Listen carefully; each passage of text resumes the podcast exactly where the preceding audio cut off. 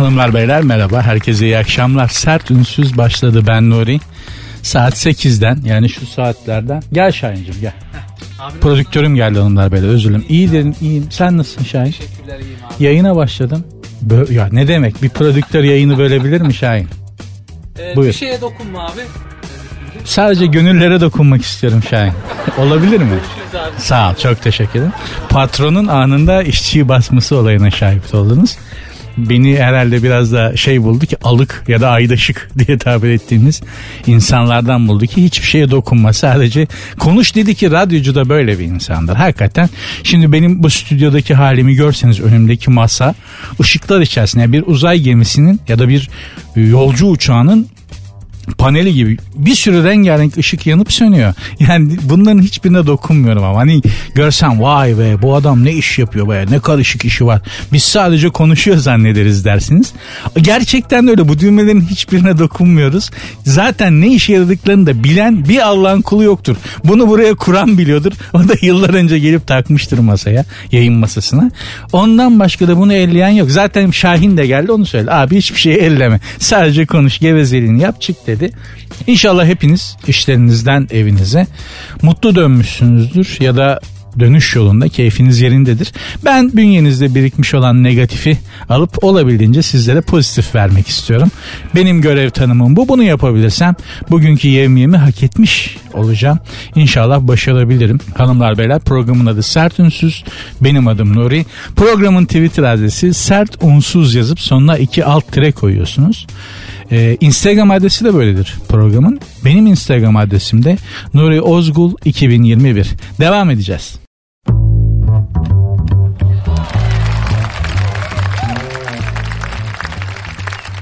Zahide Yetiş, Zahide Yetiş diye bir hanımefendi var. Gündüz kuşağında programlar yapıyor. Kadınlar pek seviyorlar, pek rağbet ediyorlar programına. Ya da bize öyle deniyor bilmiyorum reyting ölçümlerini ama benim babam bile Zahide Yetiş seyrediyor. Bir süre sonra da bu kadınlar yani gündüz kuşağında program yapan kadınlar e, çok içselleşti, çok benimseniyor galiba. Çünkü sadece Zahide demeye başlıyorlar. Zahide'nin programında işte şunun programında sadece ismiyle hitap ediyorlar. Babam bile Zahide'yi aç bakalım falan. Zahide'yi açmak ne demek ya?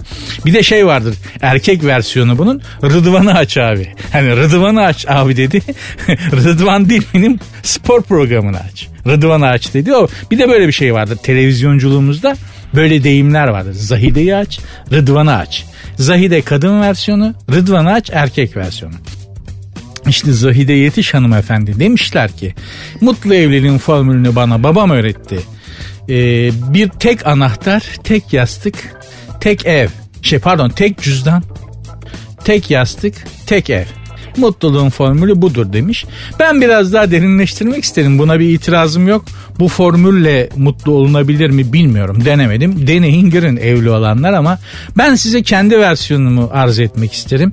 Çok yani bildiği bilmediğine yetmeyen bir adam olarak özellikle de evlilik bahsinde çok tecrübeli bir adam olmayarak haddim olmayarak aslında söyleyeceğim ama benim mutluluk formülüm bu. Biraz erkek tarafından bakarak çünkü neden ben erkeğim o taraftan bakarak sizlere arz edeceğim. Tartışma. Yani bunu bizi dinleyen erkeklere söylüyorum.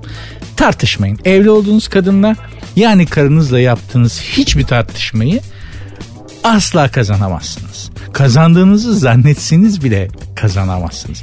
Daima tartışma konusunda mağlup olmaya mahkumsunuz.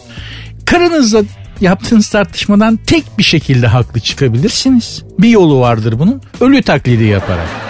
Ya başka türlü o tartışmayı kazanmanızın hiçbir yolu yok. Evlilikte kadına galip gelemezsiniz. O yüzden tartışma mı çıktı? Yenge size yükseldi mi? Acı çekmemek için sevgili kardeşim, sevgili hemcinsin ölü taklidi yap. Ah de ya da bak ölü taklidi yapamıyorsan çünkü ölüyü oynamak zordur. Dramada, tiyatroda, sinemada özellikle özellikle de canlı performanslarda yani sahne sanatlarında, tiyatroda ölüyü oynamak çok zordur ölü taklidi yapamıyor musun? Ah de kalbini tut hani spazm tutmuş gibi falan filan. Belki hanım acır da bak belki acır da insaf eder seni fazla didiklemez. Ama o tartışmayı kazanmanızın başka yolu yok. İltifat bahsini mutlu evlilikler için söylüyorum. Gene beyefendilere sesleniyorum. Beni dinleyen beyefendilere. İltifat bahsini çok abartmayın. Yani şöyle mesela benim dedem rahmetli 74 yaşında vefat etti. Senede iki ya da üç kere babaanneme derdi ki bak iki ya da üç kere babaanneme derdi ki tatlı söz olarak hayatım hadi o güzel ellerinle birer fincan kahve yap da sultanımın elinden şöyle bir keyif kahvesi içeyim. 70 yaşında babaannem bunu duyunca olurdu 18 yaşında gelinlik kız. Çiçek açardı kadın. Neden? Çünkü bu iltifata senede birkaç kere mazhar olduğu için volümü, dozajı şeyi etkisi yüksek oluyor. Anlatabiliyor muyum? İltifatı ne kadar çok yaparsınız etkisi o kadar düşer. Ha o iltifat aralarındaki uzun dönemde de odun olun demiyorum. Bize yakışan bizim yapmamız gereken her zaman centilmen olmaktır. Her zaman zarif olmaktır. Hotsot bir adam olsan bir kadın niye sevsin ki seni? Hem düşün sokaklar öküz gibi adamla dolu. Biraz incel, biraz süzül, biraz oku, biraz geliştir kendini. Bir farkındalık, bir farklılık yarat ki arada fark edilebilirsin onca öküzün arasında.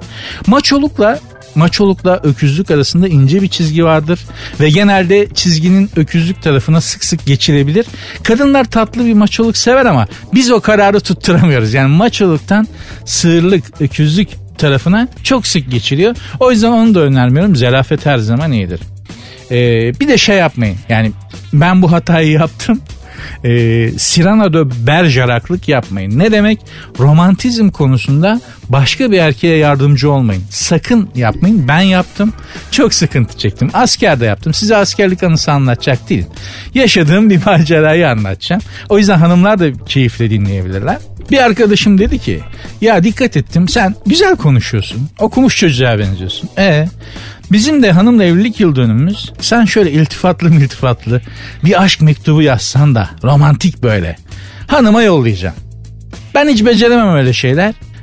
Özledim de işte gönlünü alayım falan filan. Hanımın nerede? Balıkesirliydi galiba. Biz de neredeyiz olsa Tunceli falan. Orada. Şimdi ben de düşündüm. Yani benim yazdıklarımı alacak. Eşine uyarlayacak. Yeniden yazacak. Olur gönderecek. Olur dedim. Yazdım ama nasıl? Ama nasıl bir mektup yazdım? Zaten 15 ay dağlarda gezmişim. Sivilde bekleyenim yok. O gazla, o yalnızlıkla bir mektup yazdım. Bak mektup yanıyor, yanıyor. Aşktan, romantizmden mektup yanıyor. Mektubun içinde adeta bir kalp 120 atıyor böyle tup tup tup tup tup tup. Aşktan. Şimdi otur yaz desen öyle bir tekst, öyle bir metni asla kaleme alamam. Bir ay sonra geldi bu arkadaş. Sen ne yaptın lan dedi. Çok özür dilerim bu ifade için ama aynen böyle dedi. Ne yapmışım dedim. Ne yazdın mektuba dedi. Hangi mektuba dedim. Ya hanıma evlilik yıldönümümüz için yol, yaz dediğim mektuba dedi. Ona ne yazdın? Oğlum sen o mektubu okumadın mı? Yok ben öylece katladım yolladım dedi. ne yazıyordu o mektupta bitirdin beni ya diyor. Oğlum ne oldu anlatsana. Olay şu. Bu mektubu alıp hiç elden geçirmeden benim yazdığım gibi karısını yollamış. Karısından cevap mektup gelmiş şöyle. İşte sevgili kocacığım senden ayrıldığım için evliyken askere gelmişler. Çok zordur gerçekten. İşte senden ayrıldığımızda çok üzüldüm. Askere gidiyorsun diye çok mutsuz oldum. Zor şartlar altındaydın. İşte bu beni daha çok üzdü ama şimdi oralara gittiğin için o kadar seviniyorum ki askerlik seni bambaşka bir insan yapmış. Böyle şeyler söyleyebiliyordum madem. Bana neden hiç evlendiğimizde bugüne kadar söylemedin? Çok mutlu oldum. İşte çok sevindim. Dönmeni sabırsızlıkla bekliyordum. İşte benim hayalimdeki adam. Hiç bilmiyordum, hiç beklemiyordum ama sen bambaşka biriymişsin falan. kadın kadın evde yani askerde kocasının bir e, renovasyon yaşadığını ve e, tatlı bir e, kaba saba bir adamdan bir Romeo'ya evrildiğini zannetmiş. ben diyor şimdi ne yapacağım abi? Dedim ki oğlum şey dersin yani ben böyle şeyleri söyleyemiyorum ama yazabiliyorum. e yaz derse ne yapacağım diyor. Dedim bak bir kitap var büyük adamların aşk mektupları diye. Onu al Oradan yaz. Ona çalış. Güzel sözler iltifat. O zamanlar internet mi internet de yok. Şimdi interneti internete açıyorsun. Milyon tane iltifat var. Saçma sapan ama güzel sözler, atarlı sözler. İşte Rus kızlarına yapılacak iltifat. Oraya kadar var ya. Yani Rus kızlarına yapılacak iltifatlar var. Rusça, Türkçe. Norveçli bir kıza nasıl iltifat edersiniz falan. Bizim zamanımızda böyle imkanlar yoktu. Bizim zamanımızda e, Güzel Kızları Tavlama Rehberi diye bir tane kitap vardı. Korkunç bir şeydi. Ama gerçekten romantizm bahsinde yayınlanmış başka hiçbir kitap yoktu. Sonradan gelişti bu şeyler. Size söyleyeceğim şu ben romantizm bahsinde başka bir adama yardımcı oldum. Çocuğun hayatı kaydı. Siz ne yardım alın ne yardım edin. Sonu hiç iyi olmuyor. Benden size söylemesi. Herkes kendi romantizmini yapsın abi. Az ya da çok. En doğrusu en güzeli en güvenilir olanı bu. Sert Unsuz devam edecek. Programın Twitter adresini tekrar vereyim. Sert Unsuz yazıp sonuna iki alt tire koyuyorsunuz. Instagram adresi de böyle. Benim Instagram adresim de Nuri Ozgul 2021.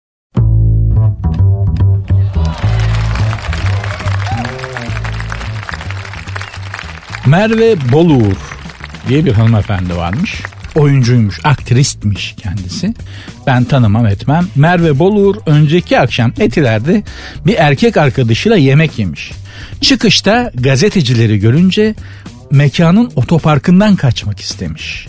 Şimdi bu ünlülerde kamera görünce kaçma şeyi neden oluyor? Yani şöhretle beraber öyle bir refleks mi gelişiyor? Ya bir de hakikaten kamera magazinci gören ünlü topukluyor. Bak bakın size bir şey söyleyeyim. Bu magazinciler bu ünlüleri 3 ay haber yapmasınlar. Bak 3 ay. Mesela Merve Bolur kaçmak istemiş değil mi? Ya bunu 3 ay haber yapmayın. Bu kadın yataklara düşer. Ateşler içerisinde yanar. Ne oluyor bana diye. Hem ya bunu dans etmeyin da bizde işte çık Tamam mı? Çık mekandan. Efendi gibi pozunu ver. Yanındaki adam kim diye sorarlarsa bir arkadaşım de. Aşk var mı derse yok de. Evlilik görünüyor mu derse görünmüyor de. Sadece arkadaşız de. Klasik yalanlarını söyle. Seviyeli bir ilişkimizde var de. Sırıtarak arabana bin git. Yani nereye kaçıyorsun? Kaçınca daha büyük saçmalıyorsun. Vaktiyle zannediyorum Hande Ataiz'i yanlış hatırlıyorsam ne olur affına sığınırım Hande Hanım'ın.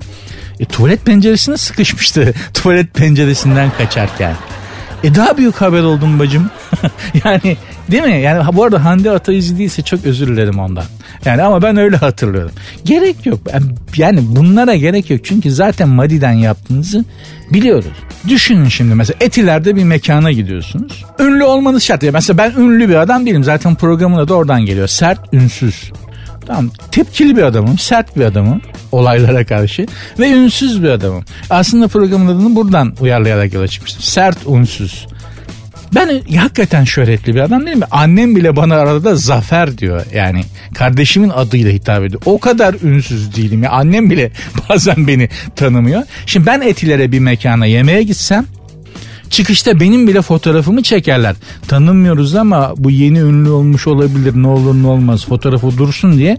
O mekandan çıkarken benim bile annemin bile ta zaman zaman tanıyamadığı benim bile fotoğrafım çekilir. Yani bir ünlünün Etiler'deki bir mekana gidip de fotoğrafının çekilmeyeceği, magazine e, magazincilerin onun etrafını çevirmeyeceğini düşünmesi için ahmak olması lazım. Başka açıklaması yok. Şimdi Merve Hanım ikinci olarak şunu söylemek istedim. Etilerde kaçmaya kalksan nereye kaçacaksın? Aşağısı bebek orada magazinci daha çok olası tam magazinci yatağı. Arka tarafa doğru kaçmaya kalksan etilerden Küçük Armutlu orada hiç şansın yok. Düşün Merve Bolur kaçıyor. Küçük Armutlu sokaklarında. Etilerden magazincilerden kaçmaya başladı. Küçük Armutlu'ya girdi. Küçük Armutlu sokaklarında kaçmaya çalışıyor. Üç ihtimal var. Ya marjinal bir ideolojik örgüte üye yaparlar. Ya birinin kuması olur. Eline verirler kovayı. Çeşmeden su getir sonra da bu işte çamaşırları yıka derler. Ya da kaçak deterjan üreten bir atölyede işçi falan olur. Bu çıkamaz oradan. Efendi gibi çık pozunu ver. Ne olur yani ne değişecek? Al bak kaçamamışsın magazinciler yine sobelemiş seni. Bir de beni dinleyen ünlülere seslenmek istiyorum. Arkadaşlar yani siz sizin mideniz etilerdeki restoranlarda pişen yemek dışında başka bir şey kabul etmiyor mesela siz hiç esnaf lokantasına gitmeyi düşünmediniz mi? Niye hep etilerde yemek yiyorsunuz? Bir kere fiyatlar kazık. İki tadı tuzu yok. Bak esnaf buradan bütün şöhretlere seslenmek istiyorum. Esnaf lokantasına gelin. Bir ezogelin çorba için. Midenize sıcak sıvı bir şey gitsin. Bir ezogelin çorba için. Bir patlıcan oturtma. Bir Kemal Paşa tatlısı yiyin. Hem karnın doyar hem kazıklanmazsın. Üstelik de hiç kimse sizi sallamaz. Bir fotoğraf çekinelim diyen bile olmaz. Özellikle otosanayideki esnaf lokantalarına gidersen. Hatta garsondan senin benim gibi insanlar gibi fırça bile yersin. Hani çıkışta tanınmaktan, magazincilerden rahatsız oluyorsunuz ya esnaf lokantasında hiç kimsenin umurunda olmazsınız. Bu bir zaten tanıyan olmaz dediğim gibi. Mesela Merve Bolur hanımefendi gitsin otosanayide bir esnaf lokantasına yüzüne bakmazlar. Bir kere orada çalışan kaportacı arkadaşların tipi değil. Bilardo supası gibi incecik kız ona hiç bakmazlar. Kapıda bir adama arabamı getirdiyse az ye de bir uşak tut kendini anam derler. Tamam. Dolayısıyla esnaf lokantası tam istediğiniz ortam. Ünlülerin huzur bulacağı yer. Otosanayideki özellikle esnaf lokantaları kimse sizi adam yerine koymaz orada. Hak ettiğiniz gibi karşılanır ve uğurlanırsınız.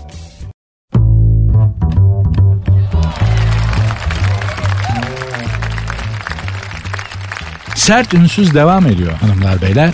Cristiano Ronaldo Manchester United'a geri dönüyormuş. Orada adam olmuştu. Futbol severler bileceklerdir. Manchester United'da Cristiano Ronaldo olmuştu. Şimdi oraya tekrar geri dönüyormuş ama dönme sebebi farklıymış. Çocuklarının en iyi eğitimi İngiltere'de alacağına inandığı için İngiltere'ye transfer olmuş. Haftada 450 bin euro kazanıyormuş. Kemiksiz. Vergiyi düştükten sonra mı acaba? Kemiksiz dediğine göre net bir insan haftada 450 bin euro kazansa ne hisseder acaba? Yani nasıl yaşarı geçtim ne hissedersin? Nasıl bir his o? Ya biliyorsun haftasını cuma günü mesai saatinin bitimine kadar balya yani 450 bin euroluk balya banka hesabına lambırs diye inecek. O nasıl bir duygu acaba? Nasıl bir his? Tatmadan canımızı kabz etme ya Rab. İnşallah hepimiz daha fazlasını daha iyisini sağlık sıhhatle kazanmak nedir? Biliriz tadarız da alemi ervahtan alemi berzaha öyle gideriz. Şimdi Cristiano Ronaldo enteresan bir adam hakikaten değişik bir çocuk. Ee, özel bir yeteneği yok. Başardığı her şeyi mesela Messi özel bir yetenek. Onlarla doğmuş hazır paket halinde gelmiş herif zaten. Oynuyor topu Ronaldo yaptığı her hareketi çalışarak, defalarca çalışarak, yüzlerce defa çalışarak başarmış biri. Dolayısıyla da bence Messi'den çok daha özel bir adam. Ve bu adam enteresandır bakın ben hiç duymadım daha önce. Çocuklarımın eğitimi için en iyi eğitimi İngiltere'de alacaklarına inandığım için İngiltere'ye dönüyorum demiş. Yalnız ben şeye takıldım. Haftada 450 bin euro. Ya, elden mi alıyordur acaba? Yani düşünsenize 450 bin euroyu elden almak nasıl bir şey? Bankadan geliyordur değil mi muhtemelen? Ama ben elden alınan paranın daha tatlı olduğunu düşünmüşümdür her zaman. Ronaldo'nun yerinde olsam parayı nakit olarak her hafta eve isterim ben mesela şöminenin karşısında. Baş parmağını şöyle tükürükleye tükürükleye jilet gibi matbaadan yeni çıkmış ütülü euroları şulok şulok diye saydığınızı düşünür müsünüz? Bunu yapmayacaksan neden zenginsin ki abi? Paran varsa sayacaksın. Mesela Jeff Bezos değil mi? Dünyanın en zengin adamı. 190 milyar dolar parası var adamın. 190 milyar dolar. Oturup saymadıktan sonra tadı olmaz. Para saymak kadar güzel bir şey var mı ya? O, o kadar param olsa haftada 3 günü sadece para saymaya ayırırım. Zevk için. Para sayma makinesi de kullanmam. Çok karşıyım. Böyle desteği eline alacaksın. Baş parmağını tükürükleyip şulok şulok ettire ettire parayı sayacaksın. Zenginliğin tadı böyle çıkar hanımlar beyler. Paran var paran var saymıyorsun. Uçağın var binmiyorsun gibi bir şey. Bu arada anti parantez belirtmek isterim ki hanımlar beyler ben pek çok milletin parasını kullandım. Yani oralara gittiğimde kullandım. En güzel sayarken en güzel şaklayan para euro. Hangi kağıdı kullanıyorlarsa artık. Mesela dolar da candır. Doları da severiz. Ama sayarken şulok şulok etmiyor. Sessiz, tat vermiyor sayması. Bizim TL de iyidir bak. Ama matbaadan yeni çıkmışını böyle ütülüsünü bulacaksın TL'nin. O da güzel ses verir. Bizim Türk lirası da bu mor evrak tabir ettiğimiz 100 TL, 200 TL çok güzel şulak şulak ede ede sayılır. Neyse mevzu o. Ronaldo yıllığı 14 bin euro 140 bin TL diyelim yuvarlak hesap. Öyle bir okula yollayacakmış yani. Yılda 14 bin euro ödeyecekmiş okula çocuk başına. Tamam mı? Şimdi o okul benden çocuğumu eğitmek için yıllık 14 bin euro alacaksa ben sabah çocuğu beyni boş okula veririm. Akşam Albert Einstein olarak geri isterim abi. Yanlış mı? Yani hem yılda hem yılda 14 bin euro para basacağım vereceğim size. Ondan sonra çocuğa 6 kere 8 kaç dediğimde çocuk bana ee, bir dakika 6 kere 6 36 6 kere yeni böyle düşünecek. Okulu basarım. Gerçekten çocuklarınızın eğitimi için okullara verdiğiniz paranın karşılığını aldığınıza inanıyor musunuz? E, çocuklarını okulda özel okulda okutan ebeveynlere sormak istedim. Benim yeğenim var 16 yaşında.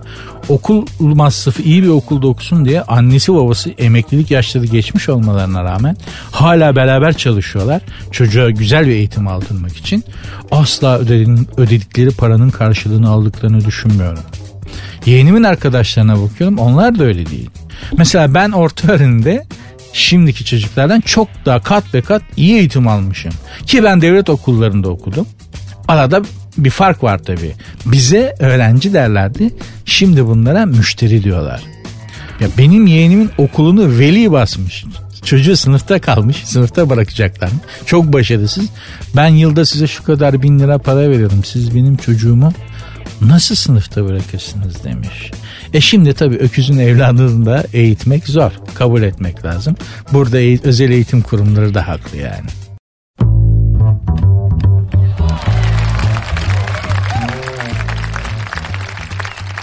Sert ünsüz devam ediyor. Bugün hangi gazeteyi açarsanız için magazin ekinin alnında alnında böyle yani hani magazin eklerinin tam ortasında hep aynı haber vardı. Tek bir haber. Her yerde. Bütün gazetelerin magazin eklerinde. Ee, sevgilisi Mithat Can Özer ile tatile devam eden Alina Boz paraşüt sörfü dersi almış. Bunu da böyle magazinin manşetine çekmişler. Nedense. Fakat Alina Boz hanımefendi paraşüt sörfü yaparken sudaki eğitmenini tedirgin etmiş. Sörfü eğitmenin üstüne doğru sürmüş. Eğitmen de çok korkmuş. Neden? Bu bizde geleneksel bir şeydir. Bindiğin aracı yolda gördüğün bir arkadaşın üstüne şaka olsun diye sürersin. Bunu ben de yaptım. Bunu siz de yapmışsınızdır. Arabanız yoksa bir aracınız yoksa da Allah en iyisini nasip etsin alın. Siz de aldığınızda yapacaksınız. Kaldırımda yolda kenarda gördüğünüz bir arkadaşına e e diye direksiyonu kıracaksın. Bu gen bu. Genetik bir şey bu. Ya eminim bin, bin yıl önce Orta Asya'daki atalarımız da yolda tanıdık yaya arkadaşını gözüne atı sürüyorlardı üstüne. Genler seni çağırır. Buna karşı koyamazsın. İşte bu Alina Boz da bir Türk kızı olarak genlerinin çağrısına genetik çağrıya kayıtsız kalamayıp e, paraşüt sörfünü sudaki çimen öğretmenin üstüne sürmüş. Şakadır bu olur. Şimdi benim uçağım olsa mesela bir arkadaşımın üstüne şakadan uçağımı sürme imkanım olsa sürerim. Yani hangimiz sürmeyiz? Haber bu değil. Bence asıl haber, yani haberin özü bu değil. Bence asıl haber Mithat Can Özer. Alina Boz hanımefendinin erkek arkadaşı. Çocuğu gram sallamamış haberciler. Kenar süsü gibi kalmış. Sadece adı geçiyor. Bir de böyle Alina Boz hanımefendi surf yaparken kenarda acemi birliğine yeni katılmış e, sülüsü bozuk asker gibi böyle köz köz beklerken fotoğrafını koymuşlar Mithat Can Özer'in. Bu bir erkek için çok gıcık bir durumdur gerçekten. Empati yaptım. E, fark ettim. Mithat Can Özel'in bu boynu bükük haline katılıyorum ve üzülüyorum. Şöyle mesela şöyle durumlar olur. Sizin başınıza gelmiştir gelmemiştir bilemem ama benim başıma geldi. Yolda kız arkadaşınla gidiyorsun. Karşıdan da tek bir adam geliyor. Tek bir erkek geliyor. Sensiz yaşlarda. Kız arkadaşınla o adam göz göze geliyorlar tamam mı? Sonra birbirlerine gülümsüyorlar. Böyle karşıdan birbirlerini fark ediyorlar. Birbirleri, birbirlerine gülümsüyorlar. Sen zaten anlıyorsun ya bunlar birbirini tanıyor. Yaklaştıklarında aa ne haber ya diyorlar. Belli ki eskiden senden önce tanışıyorlar. Hatta mesela en kötüsü sarılarak sarılarak selamlaşıyorlar. Onlar sohbet ederken sen kenarda mandıradan yeni çıkmış bir e, manda yavrusu gibi onların sohbetinin bitmesini bekliyorsun bel bel bakarak kız arkadaşın da biraz ince düşünceli falan değilse seni tanıştırmayı unutur. Sohbet muhabbet devam eder. İşte e hadi görüşelim sende numaran var mı diye telefon alıp vermen olur. Sen öyle kenarda etkisiz eleman gibi böyle kalır beklersin onların sohbetinin bitmesini. O gerçekten rahatsızlık yaratan bir durumdur. Bir de eleman senden yakışıklıdır. O da çok gıcık durumdur. En kötüsü ama en kötüsü şudur Eleman yürüdü gitti ya sen de kız arkadaşının elini tuttun yürümeye devam ediyorsun. Yavrum kimdi o çocuk diye sorarsın. Ha o mu okuldan bir arkadaş ya der. Daha da gıcık bir durum. Kızım sen Kandilli Kız Lisesi'nde okumadın mı? Ne işi var Kandilli Kız Lisesi'nde kıllı börtlü adamın? Desen saçmalama erkek öğrenci de alıyorlardı herhalde bizim zamanımızda derler. Ki bu yanlıştır. Öyle demeleri değil. Benim lisem Kabataş Erkek Lisesi. Niye kız öğrenci alıyorsun abi? Kız öğrenci alıyorlar şimdi. Orası erkek lisesi adı üstünde. Kabataş Erkek Lisesi. İstanbul Erkek Lisesi. Kız öğrenciye karşı olduğum için değil. Sen Benoa, kız okulu oraya da erkek öğrenci almasınlar. Bunlar köklü gelenekleri olan önemli okullar ve erkek lisesi, kız lisesi, Kandilli kız lisesi ne işi var erkek öğrencinin? Bunlar böyle köklü, böyle kök salmışlar ve her biri de adeta bir mabet kalitesinde liselerdi. Şimdi git hiç tırışka, hava gazı. Her şeyi de böyle kurcalamaya, değiştirmeye gerek yok ki. Neyse mevzu Cristiano Ronaldo'dan nerelere geldi. Sert Ünsüz devam edecek inşallah hanımlar beyler. Programın Twitter adresi sert unsuz yazıp sonuna iki alt tire koyuyorsunuz. Instagram adresi de öyle. Benim e, Instagram adresim de Nuri Ozgul 2021.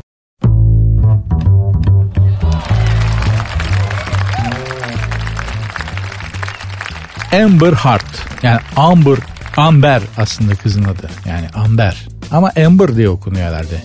Benim şeyim İngilizce olmadığı için çok hakikaten anlamıyorum. Amber Heart sevgilisiyle ata binmiş. Büyük hata yapmış. Amber değil. Amber Heart'ın sevgilisi olan erkek arkadaşı büyük hata yapmış. Kız arkadaşını senden daha akıllı ve güçlü bir canlının üstüne asla bindirmeyeceksin.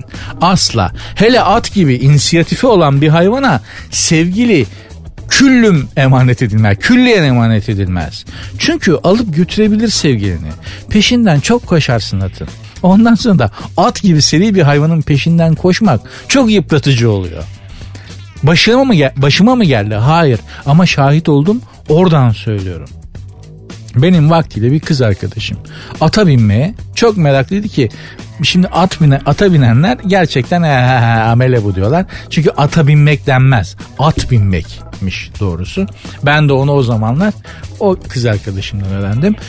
Çok meraklıydı at binmeye. Benim de hiç merakım yok. Tam tersi. Ama biz maalesef her hafta sonu maneje işte illa maneje o at binilen gezilen e, özel alana gidiyoruz. Neden? Çünkü hanımefendi at binecek. Ben de kenarda çayımı, çorbamı, meyve suyumu falan içiyorum. Atlar da çok laf aramızda güzel hayvanlar, asil hayvanlar da leş gibi kokar affedersin. Hiç sevmem. Ya ahır ya bildiğin her hafta sonu gittiğimiz yer ahır. Ahır gibi kokuyor. Ve so- orada sosyalleşiyoruz. Ne keyif oluyorlar bilmiyorum. Neyse benim kız arkadaşım bindi atına turaladı turaladı attı enerjisini biraz hayvanla beraber koşarak, zıplayarak, hoplayarak, döndürerek geldi. Oturuyoruz. Adamın biri de manejde kız arkadaşıyla ata biniyor. Tur alıyorlar onlar da böyle dönüyorlar. Derken kızın bindiği at bir parladı. Ya parladı dediğim şey kontrolden çıktı manasında. Manejin dışına çıktı. O at binilen alanın dışına çıktı. Otobana doğru gidiyor üstünde kızla. Kız da bağırıyor Rıfkı Rıfkı diye. ben önce atın adı Ben önce hakikaten bak atın adı Rıfkı zannettim. Hani Rıfkı Rıfkı diye ata diyor yani dur dur Rıfkı ne yapıyorsun diye. Meğer erkek arkadaşının adı Rıfkı'ymış.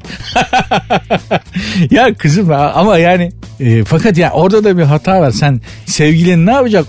İngiliz atı kocaman böyle tank gibi at seni almış götürüyor. Rıfkı arkada yayan senin ne faydası olacak Rıfkı'nın? Sen ata hitap etsene dur yavrum yapma etme neyse.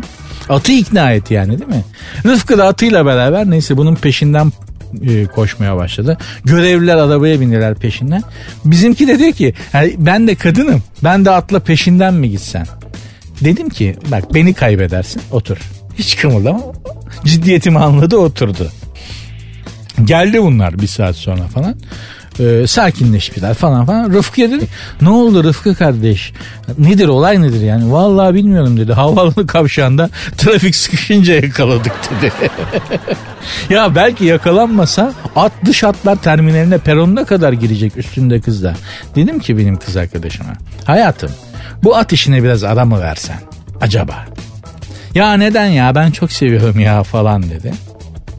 Ya tamam seviyorsun da at ya tamam ata binmeyi seviyorsun da at bundan hoşlanıyor mu bakalım. Bir de o var. Bu işler karşılıklı rızayla olması gereken işler. Vazgeçiremedim attan. Ben kızdan vazgeçtim. Çünkü ben Rıfkı gibi sakin bir yapıda bir adam da değilim. Atın teki tutar benim kızı kaçırır. Atla aramızda çok büyük sıkıntı olur. Ben de bir atla problemi yaşamak hiç istemem açıkçası. Bitti ilişkimiz. İlişkilerde ne garip değil mi? Aşk uğruna atla düşman oluyorsun. Bir at yüzünden sevgilinden vazgeçiyorsun. İnsan dünyası çok garip. İnsan ruhu çok katmanlı bilinmeyen acayip bir denklem.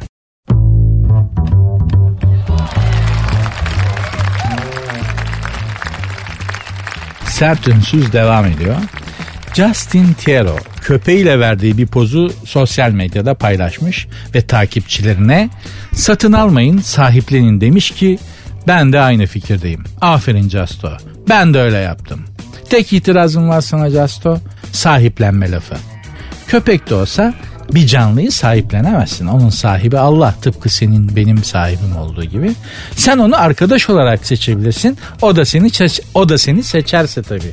Zaten pet shop işi de bu yüzden sakat. Yani eğer bir barınaktan bir hayvan alıp hayatınızı sokmak istiyorsanız karşılıklı bir etkileşim vardır orada. Gerçekten. Pet shop'ta yok. Şunu beğendim verin diyorsun alıyorsun. Hayvanın seni seçtiğini nereden biliyorsun? Sen onu seçtin. O seni seçti mi bakalım. O yüzden ondan sonra evde her yere kaka yapıyorlar. Çiş yapıyorlar. Ya bu köpekte ne var böyle? E, sevmiyor ki seni. Sevmiyor. O yüzden en güzeli gerçekten barınaktan bir e, hayvan dost edinmek. Hayatınıza böyle bir şey, böyle bir varlık almak istiyorsanız. Benimkisi şöyle oldu. Ee, bir köpek barınağına gittik. Epey kalabalık bir grup. Mama götürüldü. Barınaktaki köpeklere mama verildi. İşte bütün köpekler harala kürele büyük bir mutlulukla insanları da görmüşler. O mamalara daldılar yiyorlar. Götüren ekip de bir kokteyl prolonj yapıyor. Yeniliyor, içiliyor, sohbet ediliyor. En sevmediğim şey. Zaten girişken biri değilimdir. Çok hoş sohbet de sayılmam. Yani sosyal e, sosyal ortamda. Bir de orada tanımadığım birileriyle sohbet edeceğim. Frekans tutturacağız da muhabbet edeceğiz. Ya hiç benlik şeyler değil. Hiç benlik şeyler değil. Ufaktan Soto'da bir banka oturdum. Öyle köpeklere bakıyordum. Hayvan barınağındaki köpeklere yemek vermek bahanesiyle sosyalleşmeye çalışan insanlara bakıyordum. Böyle kalabalıktan kahkahalar yükseliyor falan. Birden onu fark ettim. Aynı benim gibi bütün o ben insan kalabalığından uzak bir tane de benim gibi köpek kalabalığından uzak sarı bir terrier var. O da duvarın dibinde köpekleri kesiyor. Kendi ortamını kesiyor yani. Ben insanları kesiyorum. Ya ne işim var şimdi bu kadar neşe, neşe coşkunu adamın kadının içerisinde falan diye böyle falan derken muhtemelen o da aynı şeyi düşünüyor ya bu nedir ya bu nümayiş nedir ya diye köpeklere bakıyor. Aynı benim gibi ya benim gibi asosyal bir ödük. Kendimin köpek versiyonunu buldum yani barınakta. Hemen gittim yanına. Ne yapıyorsun sen falan dedim. Ayaklarımın dibine yattı. Ters döndü kaşı beni mesajı veriyor. Ya köpek aynı ben. Ben de sırtımın kaşınmasına bayılırım. ya söyleme sayıp ne olur kusuruma bakmayın ama. O gün eve Robin'le döndüm. Tam kafa dengim. İkimiz de asosyaliz. Beni, beni bana bırakın kafasındayız. Ben kitap okuyorum o uyuyor. Beraber film seyrediyoruz. Güzel. E, film konusunda pek anlaşamıyoruz yalnız. Çünkü ben noir film seviyorum. Karanlık film. O romantik komedi seyrediyor. Favori filmi de Notting Hill. Galiba Julia Roberts'a aşık soruyorum ama cevap vermiyor. Diyorum ya aynı ben. Neyin var evladım diye bin kere sorarlar. Ben dudakların ince bir çizgi haline gelmiş ve dudaklarının içimdeki her şeyi kapatmışım dışarı çıkmasın diye asla cevap vermem. Derdimi asla anlatamam. Hiçbir zaman da anlatamamışımdır. Hiçbir zaman da anlatamamışımdır yani. Bu da aynı ben. Hiçbir şey, hav demiyor ya. Bir derdim var. Biz acıktım demiyor yani. Kendimin köpek versiyonunu bulmuşum. Çok çok affedersiniz. Siz de eğer gerçekten bir köpeği hayatınıza, evinize almak istiyorsanız barınakta hem çok alternatif var hem de çok güzel köpekler var. Bir pet shop'ta bulabileceğinizden çok daha sevimli, çok daha güzel köpekler var. Yaşları biraz ileri olabilir ama hemen eğer onun da sizi seçmesine izin verirseniz hemen irtibat kuracaksınız ve çok mutlu olacaksınız. Ben de Justin Tierra'ya katılıyorum. Satın almayın, barınaktan seçin.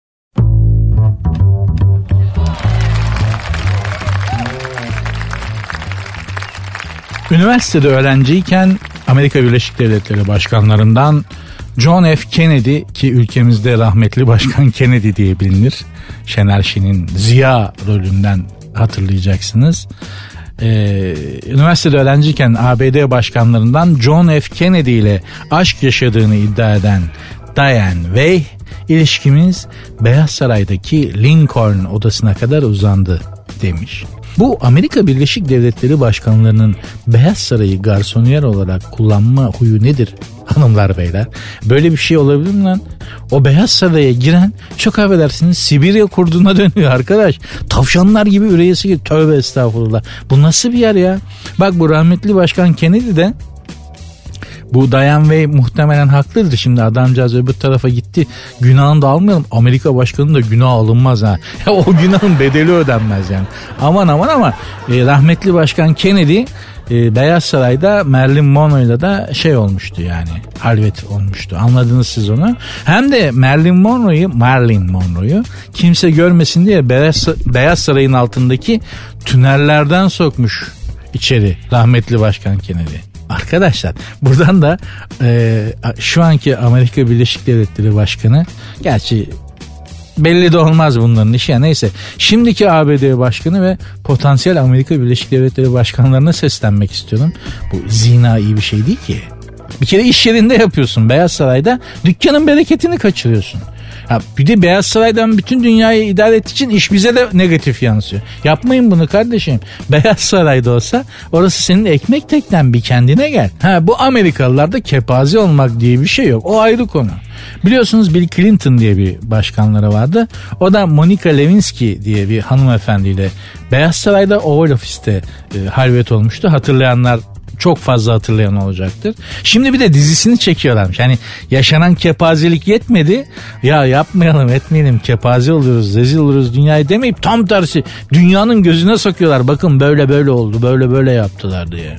Bu Bill Clinton'a başkanken e, alenen basın mensupları aldılar karşılarına dediler ki Beyaz Saray'da zina yaptınız mı? Yapmadım dedi. Ne yapmadın? Bakışından anlarım ben. Bakışından anlarım ben de erkeğim. O yapmadım deyişi var ya bak o yapmadım deyişteki o tatlı vites düşürüş. O tatlı böyle hafif bir ara gaz yaparak yapmadım demesi. Evet abi her altı yedim ben Beyaz Saray'da diyor aslında. Acaba o Beyaz Saray'ın badanasına mı afrodizyak etkili bir kimyasal madde mi katıyorlar? Çok merak ettim. Benim gördüğüm ABD başkanları içerisinde mesela baba oğul Bush'lar var yani. Hem babası başkandı hem oğlu başkandı. İkisi ayrı ayrı belaydı. Ne pis bir aile ise. Onlar yapmaz. Onlar bildiğin kovboydu, sığır çobanı tutucu. O, o taraklarda onların bezi olmaz. Sürekli incil ayinleri falan yapıyorlardı Beyaz Saray'da hatırlıyorum. O, o toplara girmezdi onlar. Bill Clinton tam gaz yolunda. Kim bilir başka neler yapmıştır bu Monica sadece haberimiz olan yani. Obama da istese de yapamaz. Onun karısı var oyar. Çok özür dilerim. O kadın o adamın gözlerini oyar. Yani Barack Obama yolda kafasını kaldıramaz. O kadın öyle bir kadın helal olsun. Ama ben asıl bombayı e, Donald Trump'tan bekliyorum. Kesin Beyaz Saray'da var ya ahlaka mugayir ne kadar şey varsa kesin yapmıştır.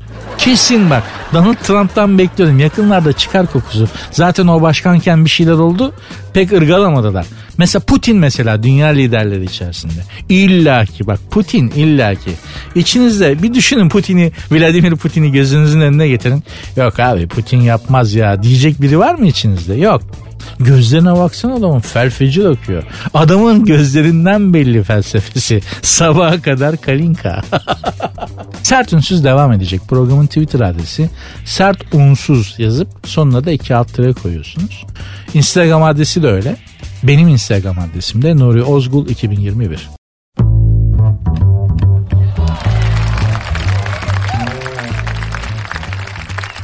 Prens Charles'ın İngiltere Prensi Charles'ın vakfına usulsüzlük soruşturması açılmış. Arkadaşlar hakikaten monarşi gerçekten bitmiş. Ben prens olacağım. Ya bildiğin kral çocuğu olacağım. Ben vakıf kuracağım. Benim vakfıma herhangi bir konuda soruşturma açacaklar.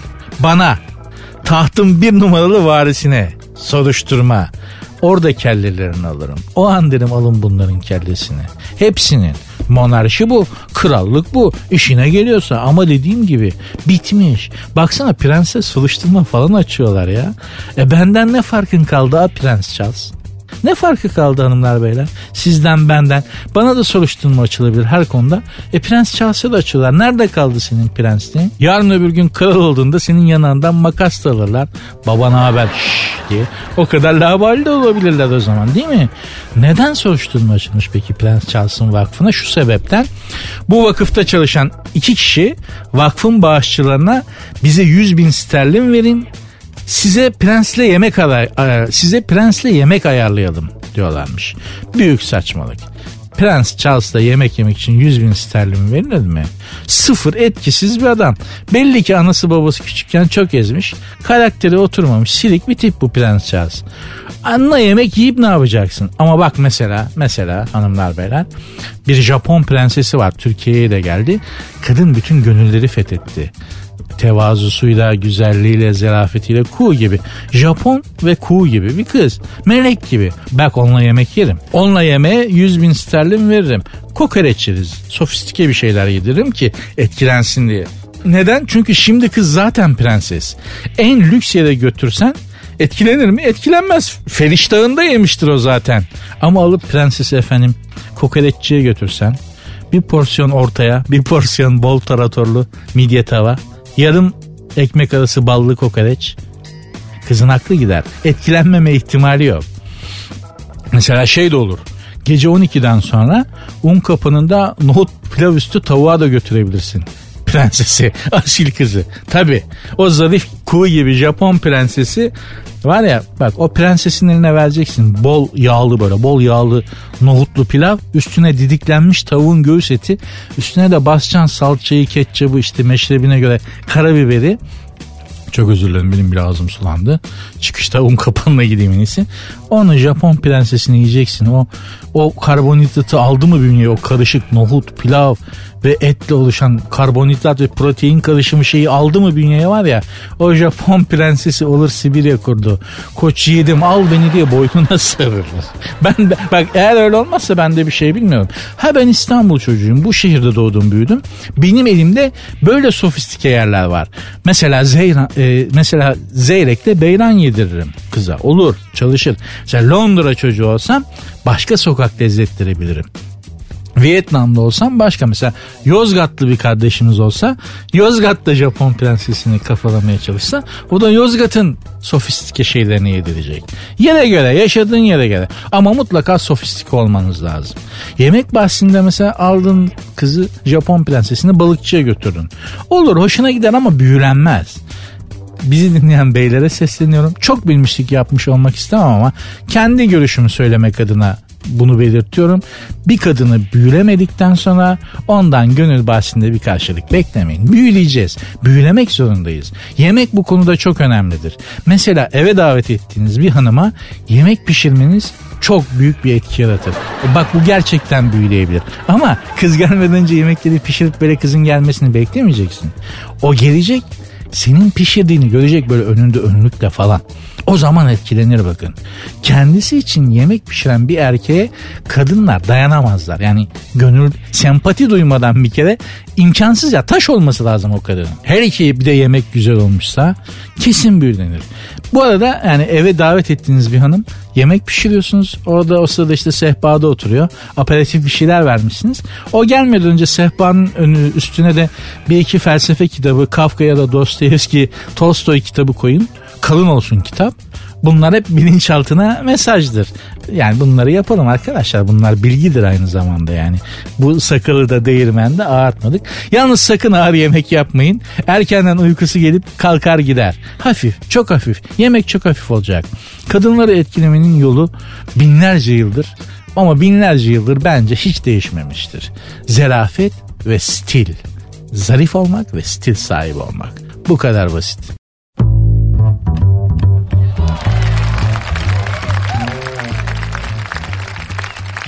Hanımlar beyler sert ünsüz devam ediyor. Aslında bugünkü programın son anonsunu yapıyorum.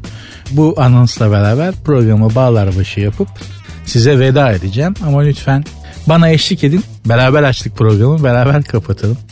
Oğuz Atay'ın bir sözü takıldı gözüme internette dolaşırken. Gerçekten e, hoş ve üzerinde konuşulmaya ve düşünülmeye değer bir söz. Her insanın yaşadığı en az iki hayatı vardır. Biri bildiğimiz vitrin, biri bildiğimiz vitrinlik, diğeri de bilmediğimiz derinlik. Gerçekten de hepimiz e, bir dışarıya gösterdiğimiz yüzümüz var. Bir de içeride derinlerde kendimizin bile bakmaya korktuğumuz kadar derin bir uçurum var ve orada aşağılarda içerilerde derinlerde bir yerde dediğim gibi bizim bile bakmaya ürktüğümüz o uçurumun karanlıklarında da gerçek biz gerçek kendimiz yatıyor. Kendimizle yüzleşmekten korkuyoruz. Bu ayıp değil, günah değil yadırganacak, küçümsenecek bir şey de değil. Her insan böyledir. Her insanın arayışı da budur zaten. Hepimiz gerçekten kim olduğumuzu, ne olduğumuzu aramıyor muyuz? Varoluş sebebimizi aramıyor muyuz? Bütün mutlu insanlar, gerçekten mutlu insanlar varoluş nedenini bulmuş ve bunu yaşayan insanlar. Ama pek çok insanda ben de dahil, ben de onlardan bileyim. Varoluş nedenini bulabilmiş değilim. Dışarıya gösterdiğimiz vitrinlik hayat bizim görünen buzdağının görünen kısmı olan biz aslında biz değiliz. Oğuz Atay bunu söylemek istiyor. İnşallah umut ederim, dua da ederim ve dilerim ki hepimiz gerçekten o içimizdeki derin kanalların içinden yukarıya doğru bize bakan ve ben buradayım diyen gerçek kendimizi bulmak, tanımak ve onu dışarı çıkarmak ve insanlara göstermek e, fırsatını elde ederiz. Çok büyük cesaret ister. Gerçek kahramanlık da budur. Ben vitrinlik hayatından memnun içindeki derinlikte derinlerde yatan o insandan bir haber hiç umurunda olmayan hiç böyle bir şey düşünmemiş vitrinlik hayatından da e, memnun insanlara çok imrenirim. Çok yüzeysel insanlardır. Beraber olması, beraber vakit geçirmesi bazen keyiflidir ama dediğim gibi çok çabuk sıkılırsınız çünkü yüzeysel insanlardır. İşin ilginci de onlar çok mutludurlar. Çünkü zaten içinde başka biri çünkü gerçekten ya benim içimde başka biri var ve o gerçekten benim demeyen bir adam mutlu bir adamdır. Nietzsche'nin dediği gibi bilmemek mutluluktur. Bizler maalesef bilmeyi ve mutsuzluğu dolayısıyla da bilmeyi tercih etmişiz. Bu aynı zamanda bir cesaret işidir. Çünkü mutsuz olma riskini de göze alıyorsunuz. Çünkü bilmek, farkında olmak mutsuzluktur. Çünkü bilmek ve farkında olmak muhtemelen çünkü bilmek ve farkında olmak beraberinde mutlaka ve genellikle mutsuzluğu da getirir. Bunu göze alarak bilmeyi tercih etmek, araştırmayı, öğrenmeyi tercih etmek gerçekten büyük kahramanlıktır. Ee, beni dinleyen bütün kahraman arkadaşlarım e, ben müsaadenizi istiyorum artık. Kül kedisi Cinderella'nın ayakkabısını kaybettiği saatlere geldik. Ben de yavaş yavaş gideyim. Yarın inşallah tekrar birlikte oluruz. Umarım memnun kalmışsınızdır.